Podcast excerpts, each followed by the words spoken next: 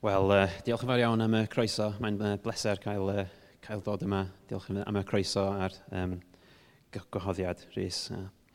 So, waw, dyma'r cwestiwn sydd gennym ni bore yma. Sut i ddelio a siom a dicter pan nad yw Dyw yn ateb gweddi yn y ffordd roedd ti wedi gobeithio?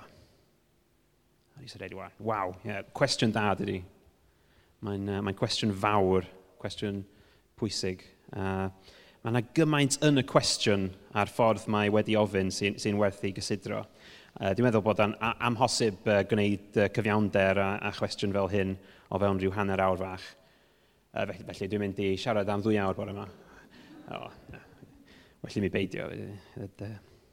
Mond dwy awr dwi wedi parcio. Um, ond, uh, na, gawn ni weld, gobeithio.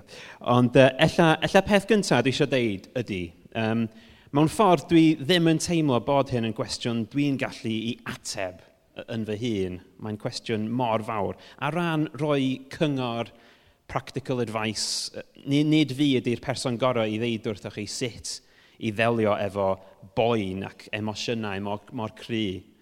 Achos yn y cwestiwn yma, dwi'n teimlo bod o'n dod o rhywun sy'n sy, brifo, sydd sy wedi cael ei brifo yn ofnadwy ella. Rhywun, rhywun sydd wedi profi trasiedi efallai. Mae'n mae, mae bos, mae bosib gofyn y cwestiwn beth bynnag, ond dwi'n teimlo rhywbeth yn y cwestiwn fel yna. Ac wrth, wrth gwrs, dwi wedi mynd trwy amserau tywyll um, iawn yn fy mywyd. Um, adeg o'n i'n gwneud fy PhD, dwi'n cofio yn Mangor yn, yn enwedig, o'n i'n isel iawn ac o'n i'n stryglo efo. Um, yeah, just delio efo depression, ond ar, ar ran, ond ar ran, ar ran tra tragedy go iawn, teimladau go iawn fod Dyw ddim wedi ateb fy gweddi. Uh, dwi, dwi ddim wedi profi hynna uh, gymaint. Peth gorau fedra i wneud ydy, uh, meddwl, dwi'n meddwl, ydy pwyntio chi yn y gyfeiriad iawn ac agor i fyny lot o gwestiynau mawr sy'n perthyn i'r cwestiwn yma. I fi mae'r cwestiwn mawr sy'n gofyn lot, mae'r mae cwestiwn fawr, fawr yma, mae'n gofyn lot o gwestiynau mawr arall hefyd. Beth ydy'n ni'n gobeithio? gan ddiw. Beth ydy gweddio? Sut mae Dyw yn gweithio yn ein bywydau ni? Sut mae Dyw uh, efallai yn testio ni, roi ni ar brawf yn ein bywydau? Beth sy'n mynd ymlaen y fanna? Pam bod Dyw ddim yn ateb gweddi weithiau? Pam bod Dyw yn gadael i bethau ddrwg digwydd o gwbl? Dim yn mynd i ateb y gwestiwn yma. Does, does dim ateb. Mae, mae, mae nhw'n gwestiynau rhy fawr, ond mae eisiau meddwl amdanyn nhw. Ond on, be, be dwi eisiau gwneud ydy edrych ar dri wahanol rhan o'r Beibl wrth, wrth ymateb. Mae yna lot o enghreifftiau o bobl yn y Beibl sydd, um, sydd wedi siomi oherwydd bod Dyw ddim wedi ateb ei gweddi uh, fel oedden nhw'n disgwyl. Fel oedden nhw'n disgwyl. Dwi'n meddwl am... Um, mae yna Martha chwaer Lazarus, cofio Martha yn deud wrth Iesu, arglwydd, tas ydy ti wedi bod yma, fyddai fy mrawd we, ddim wedi marw. E, mae yna enghraifft Moses yn Exodus 5. Da ni'n gweld pa mae o wedi mynd at Faro, da chi'n cofio i, i ofyn iddo ryddhau bobl Israel. Ond mae Faro mond yn gwneud pethau'n waith i'r bobl i gyd. Uh, a dyma Moses, mae'n deud, dyma Moses yn mynd yn ôl at yr arglwydd a deud, o oh, feistr, pam ti'n trin dy fobl fel yma? Pam yn y, yn y byd nes di fy anfon i at nhw? O'r eiliad es i siarad â pharo ar, ar dy ran di, mae o wedi achosi trwbl, trwbl i'r bobl yma. A dwi ti wedi gwneud dim byd i'w hachub nhw. Ond mae stori yn mynd ymlaen dydy. Nid, nid diwedd y stori. Ond, ia, yeah, Bore yma, mae yna dri rhan wahanol dwi eisiau i ni gysidro bore yma. Yn gyntaf, dwi eisiau meddwl chydig bach am lyfr Job a stori Job yn yr Hen Testament. Yn ail, dwi eisiau edrych yn, yn gyflym a, yn ôl at, at Genesis ychydig bach, a meddwl am stori Cain ac Abel. A, ond uh, wedyn, trydydd, um, uh, edrych ar Iesu, a'r ffordd oedd o'n gweddio, a'r ddiwedd i fywyd. A dwi eisiau uh, meddwl am uh, lyfr uh, Job yn gyntaf er mwyn agor y cwestiwn i fyny a hefyd dangos un ffordd anghywir i ddelio efo cwestiynau fel yma. Un ffordd o ddelio efo pobl sy'n dioddef ac wedi profi tragedi sydd ddim yn fawr o help o gwbl. Dwi'n mynd... Um... Di... Sorry, question, Yeah. Dwi'n yn siŵr um, pa mor gyfarwydd ydych chi efo llyfr Job, ond mae, mae Job yn lyfr arbennig iawn yn yr hen Testament. Mae'n wahanol iawn. Am, am, mae'n am sôn am rywun sy'n colli pob peth oedd gynno fo ac yn dioddef oedd yn ofnadwy. Ac yn y stori, mae Job yn ddyn gyfoethog iawn, dyn da iawn, oedd yn addoli diw, yn ffyddlon, ond mae pob peth yn mynd yn wrong iddo fo. Yn gyntaf mae gylynion yn dod ac yn dwy'n dwyni wartheg a'i esenod i gyd ac yn ymosod a'i gweision a lladd nhw. Wedyn mae, def, mae ddefaid a'i gweision oedd yn gofalu amdano nhw i gyd yn cael ei lladd gan fellten. Mae gamelod yn, yn cael ei lladd gan gylynion eraill. Ac yn olaf, mae'n mae clywed bod i plant uh, i gyd wedi cael ei lladd gan storm ofnadwy uh, sy'n taro adeilad lle oedden nhw'n gyd yn cael parti. Dyma stori am rhywun sy'n colli pob peth a tydi o ddim yn cael gwybod pam. Da ni, y darllenwyr, yn, yn, yn cael gwybod rhywbeth sy'n mynd ymlaen yn y nefoedd. Da ni'n cael cipolog bach o lle mae yna ffigwr ryfedd yna o'r enw Satan yn ceisio uh, dadla wrth ddiw bod Job ddim efo ffydd go iawn yn diw. Mon, roedd o mond yn, yn addoli diw oherwydd oedd o mor fanteisiol iddo fo wneud hynny. Ac mae diw yn caniatad i'r pethau ofnadwy ddigwydd sy'n sy, anodd ydy. Ond e, er gweitha'r cwbl, mae'n deud, er gweitha'r cwbl wnaeth Job ddim pechu na roi bai ar ddiw. Mae, mae pethau'n mynd yn waith eto ac mae Job yn cael y, y briwiau ofnadwy yma dros ei groen i gyd. A wedyn mae rhan fwyaf y llyfr yn, yn barddoniaeth. Job yn, yn siarad. Um, a, a tri o'i, uh, tri o'i ffrindiau yn siarad. Mae, mae gen Job uh, tri o ffrindiau sy'n dod i weld o o, o tri o ddynion o'r enwa Eliffas, Bildad a Soffar. Uh, dynion ffyddlon, capelwyr da i gyd, dwi'n siŵr. Ac mae ma nhw'n ma nhw eistedd yna efo, efo Job a gwrando ac ateb yn ôl.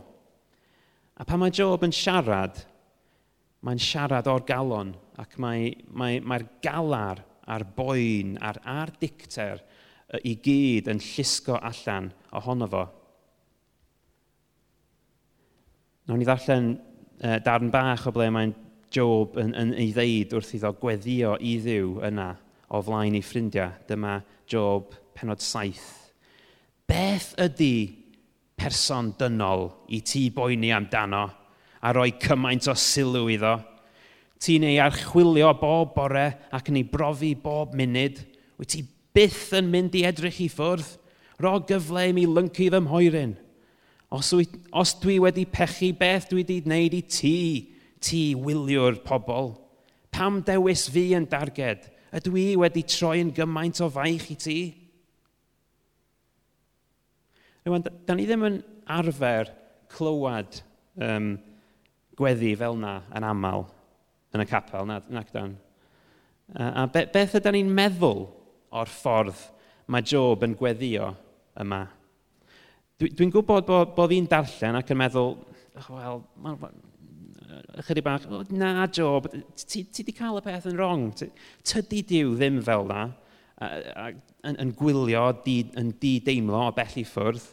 Uh, ni, uh, di o ddim yn targedu chdi. Uh, mae, mae Dyw yn, yn, yn garedig, mae diw yn dda. Tybed sa'n ni'n ymateb yr un ffordd a'i ffrindiau. Ac os mae'n codi cywilydd arnyn nhw beth maen be, be maen nhw'n clywed Job yn siarad fel hyn, maen, maen nhw'n hollol scandalised. Uh, dyma ateb, ymateb bildad uh, syth wedyn yn, yn penod 8. Am faint wyt ti'n mynd i ddal ati i siarad fel yma?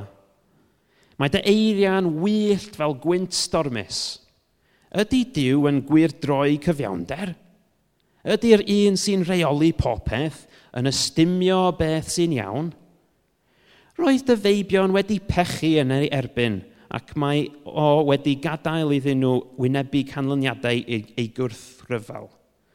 Ond os gwneud i droi at Dyw, os gwneud i droi at Dyw a gofyn i'r Dyw sy'n rheoli popeth dy helpu, os wyt ti'n ddifau ac yn byw yn iawn, bydd o'n dy amddiffyn di ac yn adfer i dy gyflwr cyfiawn. A mae rei o'r pethau mae Bildad yn deud yma yn, yn amlwg yn anghywir. Mae oedd i neidio uh, rhywsut i gredu bod, mae, bod meibion Job wedi pechu, wedi gwneud rhywbeth i heiddi uh, marw fel yna. A dyna pam, a dyna, so dyna pam wnaethon nhw farw, farw fel yna. Ond ond, ond Ella bod y basic gist o, o, o, o be mae'n deud, sa'n sa ni'n cyntuno. Um, dyla Job troi at ddiw. Tydi ddiw ddim yn anghyfiawn. Ydy'n ni'n cytuno neu'n anghytuno? Wel, mae'r mae, mae, ma dadlau yma yn, yn mynd ymlaen am bron iawn i 40 o, o pen, pen, penod yn, yn llyfr Job. A, mae Job yn cwyno ac yn anobeithio ac yn amau ac, ac yn mynnu i fod yn ddieog, a wedyn mae ei ffrindiau yn, yn ymateb bod na, diw yn gyfiawn, felly dyla Job ddim siarad fel hyn, tydi Job ddim yn rhoi parch i ddiw, pechodwyr ydy ni i gyd, tybed beth mae Job wedi gwneud i heiddi'r peth, pethau ofnadwy sydd wedi digwydd iddo fo. Mae'n mynd ymlaen fel yna. Ond wedyn, reit ar ddiwedd y llyfr, dyma beth sydd gan ddiw i ddeud wrth y ffrindiau yma yn y, yn y penod olaf. Mae'n deud, ar ôl i'r arglwydd siarad a Job, dyma fo'n deud wrth Eliphas a Oteman, dwi'n ddig gyda ti a dy ddau ffrind am beidio deud beth sy'n wir amdano i, yn wahanol i fy ngwas Job. Am beidio deud beth sy'n wir amdano i, yn wahanol i i fy ngwas, Job. Felly, er bod Job wedi bod yn siarad fel yna, gad lonydd i mi, pam ddewis fi fel targed? Mae Dyw yn deud bod Job wedi deud y gwir am ddiw rhywsut. Roedd o'n delio efo Dyw yn hollol onest, fel oedd o'n gweld y peth. Tydi Dyw ddim yn rhoi bai ar Job. I unig ateb i Job yn y diwedd, really, ydy fod Job ddim, ddim yn gweld popeth sy'n mynd ymlaen yn y byd fel mae Dyw yn, yn ei weld. Ond on, mae'n mae, mae, mae, mae deud Job, ed, edrych, edrych ar popeth dwi'n neud yn y byd.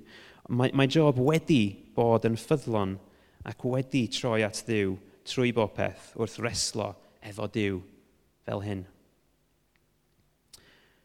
Da ni gweld lot o, o gwyno fel yna yn erbyn diw yn y salmau hefyd. Uh, aml iawn yn y, yn y salma, ma, ma nhw'n un moment maen nhw'n moli'r arglwydd a syth wedyn yn gofyn am faint mwy o arglwydd. Wyt ti wedi troi dy gefn ar ni am byth? A dyna sut mae'n mae, mae ffydd uh, eiddfed go iawn yn edrych weithiau. Pobl yn bod yn hollol onest gyda Dyw a cheisio ateb gyda fo pan mae pethau'n dywyll ac yn aneglir. Mae rhywun sy'n cymryd diw o ddifri yn siarad fel yna. Uh, mewn ffordd, dyna'r ffordd iawn i ddelio efo'r siom a'r dicter ydy dal i reslo efo Dyw beth bynnag, dal i fod yn onest efo Dyw, yn lle tynnu yn ôl a peidio gweddio o gwbl. A dwi, fel dwi'n tueddu gwneud uh, weithiau neu ella cuddio, am, cuddio'r amheuon a'r boen a jyst smawlio bod pethau'n iawn rhwng fi a Dyw. Ac i'r gweddill ohono ni, uh, mae yna sialenge yma wrth meddwl am Job. Sut i ddelio efo pobl sy'n brifo neu yn ama neu yn galaru. Mae'n gallu bod yn ofnadwy o awkward weithiau, tydi? Sut i siarad efo'r person yna sy'n sy galaru dros rhywun ac yn, mewn, mewn, ac yn uh, brifo. Uh, Mae'n ma gallu... Os, os fedra ni ddysgu o leiaf peidio bod fel ffrindiau Job, achos mae'n chwarae, chwarae teg iddyn nhw, wnaethon nhw dechrau yn, yn iawn yn y stori, wnaethon nhw roi eu hamser i Job i fod efo fo, a mae hynna'n briliant. Um, hawdd iawn jyst esgoi pobl uh, yn, hollol, yn hollol weithio, ond yn y diwedd, dydyn nhw ddim, ddim llawer o helpu Job. Maen nhw'n mond yn gwneud pethau yn waith, really, wrth beirniadu fo fel y maen nhw. Ac, ac maen nhw'n trio amddiffyn diw wrth Job. Ydy ni'n meddwl bod ein rôl ni ydy amddiffyn diw wrth bobl? Mae'n hollol hirt pan ti'n feddwl, ond, ond fel na, da, da ni yn meddwl weithiau. Ond wrth gwrs, mae, mae, mae Dyw yn ddigon fawr i amddiffyn i hun, ac mae o isio i ni fod yn onest gyda fo. Ond tydi Job ddim, ddim yn lyfr hawdd, a di o ddim yn rhoi atebion hawdd i'n cwestiwn, in cwestiwn ni. Mae, mae lot mwy yn, yn y llyfr hefyd, wrth gwrs, a na dwi'n gallu egluro mewn rhyw 5 munud fan'na. Ond um, mae'n mae codi cwestiynau eraill sy'n anodd iawn Di o ddim yn gyffroes. Uh, ac uh, mae'n ma, mynd yn, yn waith hefyd, achos nesaf dwi'n mynd, dwi eisiau ni troi at ddarn arall anodd iawn o'r Beibl. Um, stori Cain ac Abel yn, yn Genesis. Achos um, dwi wedi bod yn meddwl lot am y stori yma yn, yn ddiweddar. Ac wrth feddwl am sut i ddelio a dicter yn enwedig, dwi'n meddwl yn syth am stori Cain Achos mae, mae Cain yn y stori, mae'n gwylltio yn erbyn i frawd ac yn ymosod arno fo a'i ladd o, tydi. Ond just cyn hynny, mae, mae Dyw yn deud rhywbeth pwysig iawn wrth Cain.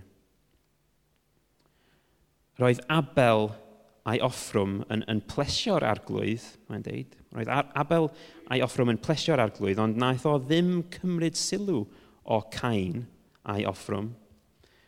Roedd Cain wedi gwylltio'n lân. Roedd ei weld ar ei wyneb. Dyma'r arglwydd yn gofyn i Cain, ydy'n iawn? Ydy'n iawn i ti wylltio fel yma?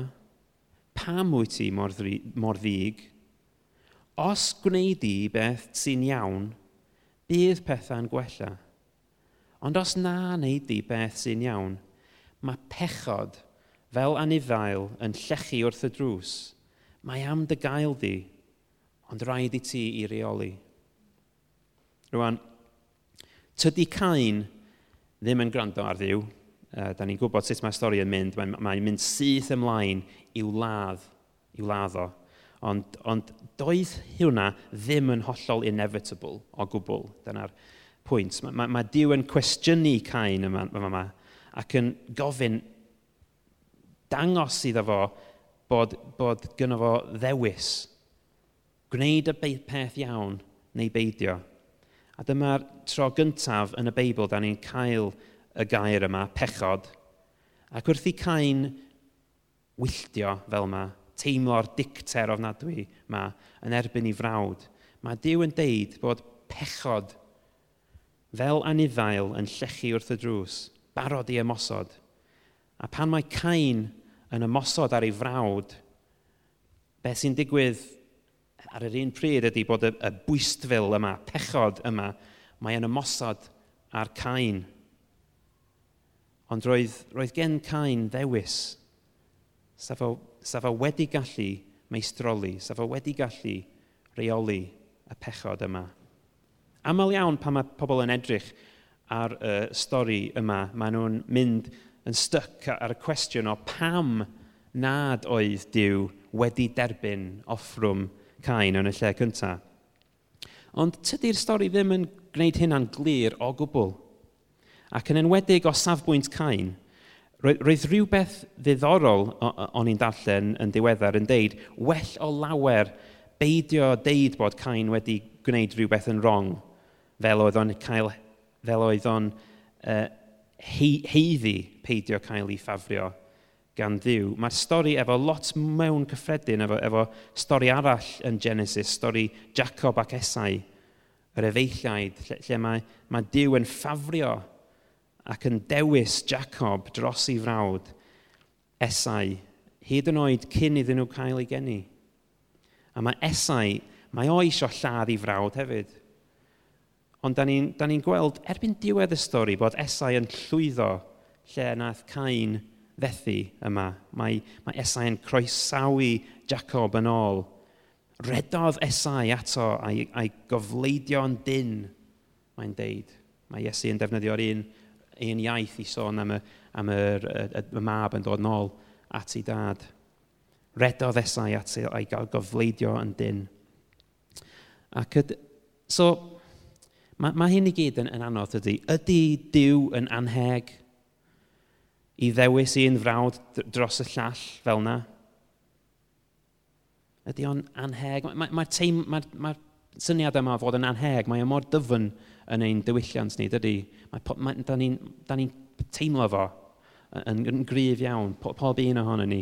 Mae, yn wedig fe, plant, mlant i, mae, mae Iowan, mae o'n saith oed, mae, mae fatha, mae pob peth, yeah, it's not fair, it's not fair. Dydy o'n mynd unrhyw sens i mi weithiau, er fatha, uh, diwrnod y blaen, oedd, oedd, oedd Bethan yn sal, jyst cyn mynd i'r ysgol, oedd wedi, wedi bod yn sal, cyn, ac o'n i fanna yn, yn y lolfa, oedd na fatha, Bethan wedi bod yn sal ar y soffa, ac yn, yn syth, oedd Johan fatha, oh, it's not fair, Bethan, Bethan doesn't have, Bethan doesn't have to go to school, uh, uh.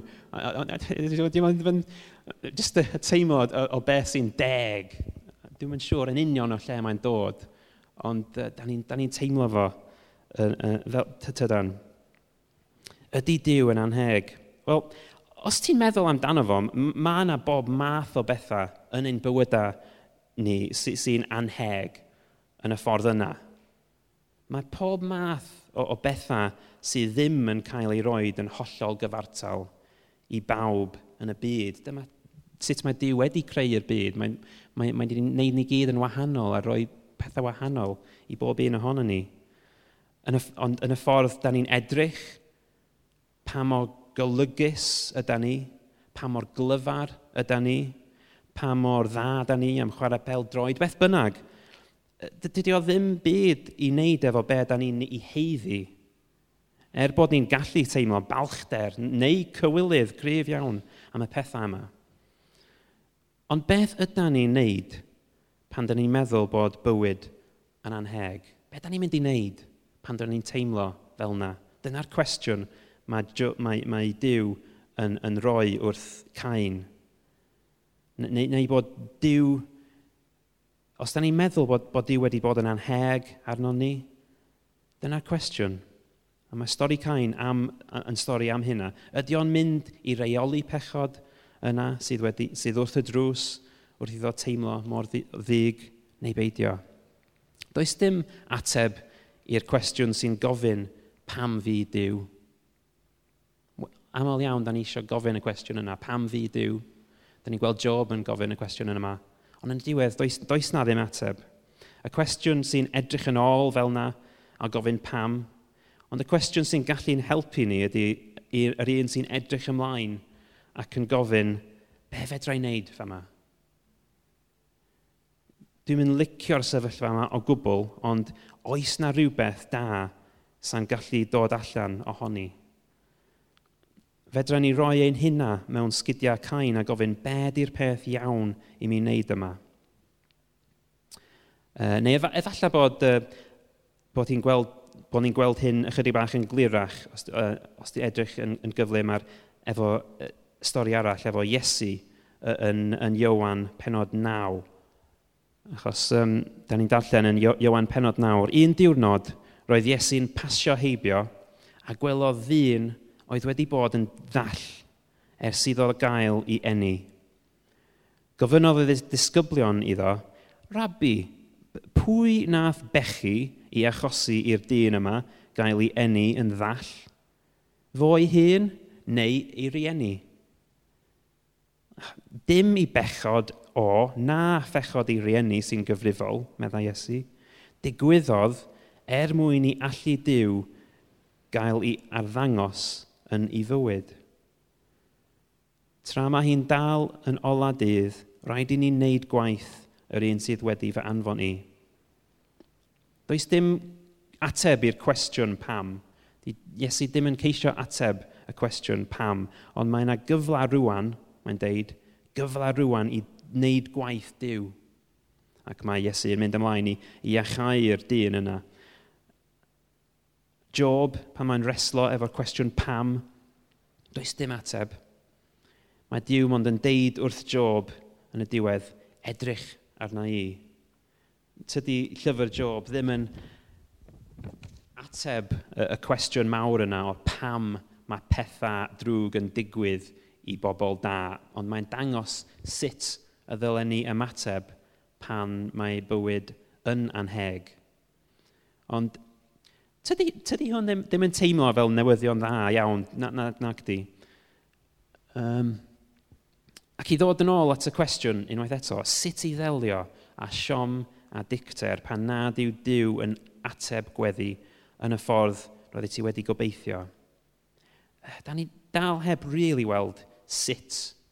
Um, ac o, o, ran, o ran fwyaf beth dwi wedi deud hyd yma, mae dal yn berffaith bosib ddeddwl bod Dyw rhywsut yn, yn greulon ac yn, ac yn bell i ffwrdd wrth i'r pethau ofnadwy yma yn digwydd, bod o ddim yn teimlo bod o ddim yn, bod o ddim yn dda, ella.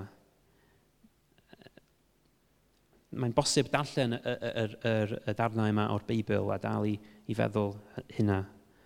Um, felly dwi eisiau gwneud dau beth rwan. Un peth dwi eisiau i ni, ydy, dwi, dwi eisiau ni'n droi at, at feddwl am Iesu rwan.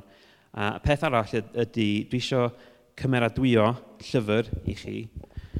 Um, dyma um, llyfr o'r enw God on Mute gan uh, Pete Gregg, God on Mute, uh, Engaging the Silence of Unanswered Prayer. Uh, mae, mae, mae, Peter, mae Pete Gregg yn briliant. Rhywun wedi darllen y llyfr yma o gwbl? O iawn, okay. gwych. Um, mae, mae, mae Pete Gregg wedi, mae wedi sgwennu pethau eraill, uh, The Vision and the Vow, uh, ac yn diweddarach Dirty Glory, ac uh, sy'n llyfr ac cyffroes iawn yn sôn am, am mudiad um, newydd ma uh, 24-7 prayer movement mae, mae Pete Greg wedi helpu i, i, i ddechrau i fyny. Um, Mae'n ma sôn am y gwirthiau sydd wedi digwydd a'r, a'r gweddi sydd wedi ei ateb. Ond, ond yn y llyfr yma, mae, mae o'n sôn am um, unanswered prayer. Ac mae'n mae, uh, mae, mae llyfr darllenadwy iawn, llyfr onest iawn, uh, weithiau yn, yn doniol hefyd. Mae'n mae really yn werth ei ddarllen. Um, na jyst darllen um, darn, darn bach o um, tudalen uh, 25 yma. Lle mae Lle mae'n deud, It's precisely because we believe so passionately in the power of prayer that we must also make sense of unanswered prayer. And when we do begin to wrestle openly with this issue, it can never be a neat academic exercise for polite theological discourse. Because the question of unanswered prayer touches the deepest most painful experiences of our lives.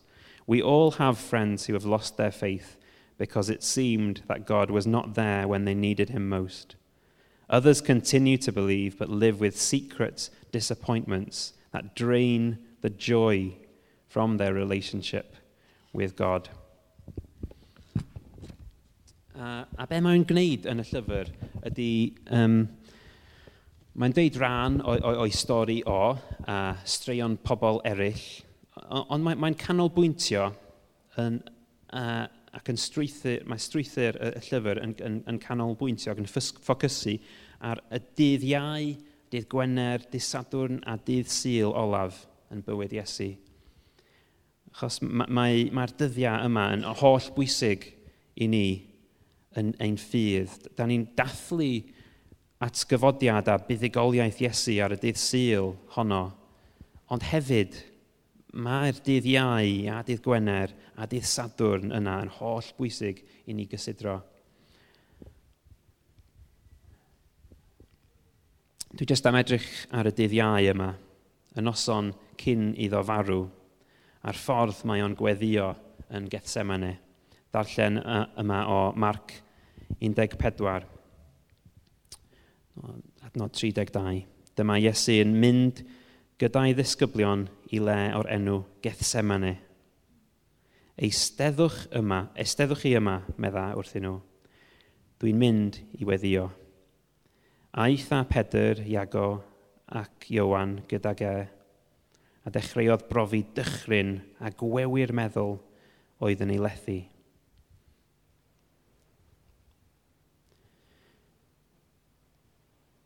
Mae'r tristwch dwi'n ei deimlo yn ddigon i'm lladd i, medda wrthyn nhw. Aroswch yma a gwylio. Aethon ni flaen ychydig, a syrthio ar lawr a gweddio i'r profiad ofnadwy oedd o'i flaen fynd i ffwrdd peta hynny'n bosib. Aba, dad, medda, mae pob peth yn bosib i ti. Cymer y cwpan chwerw yma oddi arna i. Ond paid gwneud beth dwi isio. Gwna beth wyt ti isio. A dyma lle dyn ni'n gweld Iesu yn stryglo mewn gweddi. Ac dyn ni'n gweld diw, diw ei hun, yn delio a'r siom, a'r dicter a phopeth arall pan nad yw diw yn ateb i weddi fo fel oedd o'n gobeithio. Mae o mewn poen, mewn tristwch digon i wladd o, mewn, mewn rhyw fath o panic attack mae, mae, Iesu yn cael fan hyn. Ac mae'n gweddio, Abba, Dad, mae pob peth yn bosib i ti. Cymer y cwpan chwerw yma oddi arna i. Gweddi desbret. A gweddi wrth gwrs sydd ddim yn cael ei ateb. Gweddi llawn ffydd oedd yn, oedd yn gwybod bod popeth yn bosib i ddiw. Nid fod Dyw ddim yn ddigon gryf i'w achub o rwan, bod, bod o jyst ddim yn bosib rwan oherwydd beth bynnag. Pob peth yn bosib iddo, ond dyna Iesu yn clywed y distawrwydd ofnadwy yna gan ei dad yn y nefoedd. A wedyn y peth olaf ar ôl iddo reslo efo Dyw. Ond paid gwneud beth dwi isio. Gwna beth rwy ti isio. Gwneler dy ewyllus. Gwneler dy ewyllus di, fel da ni'n gweddio. Dyna gair olaf. Iesu yn ildio. Mae'n bwysig, ond mae'n bwysig, mae'n bwysig bod cyn hynny, mae o'n dal i bled, bledio a reslo efo, efo'i dad, reit at y diwedd. Cymer y cwpan chwerw yma, oddi arna i. Dydy o ddim jyst yn rhoi gorau ar popeth yn syth Ac ella da ni yn, yn, yn rhy gyflym weithiau i wneud, wneud hynna, wneud, wneud hynny.